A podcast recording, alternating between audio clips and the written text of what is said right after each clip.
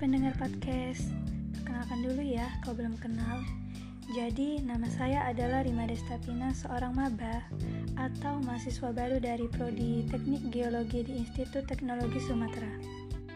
Jadi, saya mau nanya nih, apa sih rencana di masa depanmu? Pasti ada dong. Saya saja waktu kecil udah menghayal mau jadi ini, mau jadi itu. Kadang ya, cita-cita aja berubah-ubah, heran juga deh. Kadang mau jadi dokter, kemudian mau jadi guru, kadang-kadang rubah lagi cita-citanya. Maklumlah, cita-cita itu kan impian, jadi kenapa tidak mimpi dulu baru tidur, hehe.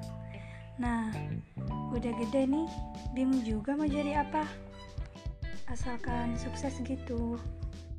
Kalian sadar gak sih? Waktu udah tamat SMA, tanpa kita sadari pikiran kita itu terbuka sendiri loh. Udah mulai merencana mau ke mana, tujuannya apa, hasilnya nanti juga apa. Aku waktu daftar di perguruan tinggi mikir-mikir mau ngambil apa ya.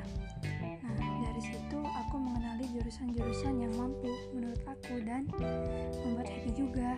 Kemudian, aku pilih tuh jurusan geologi Nah, udah deg-degan tuh guys. Udah mau pengumuman SNMPTN. Dan alhamdulillah dinyatakan lulus. Seneng banget tuh guys. Dapat di perguruan tinggi, ITERA lagi. Nah, di situlah aku merencanakan untuk giat-giat belajar kalau sukses mau kerja di lapangan gitu. Semoga aja ya.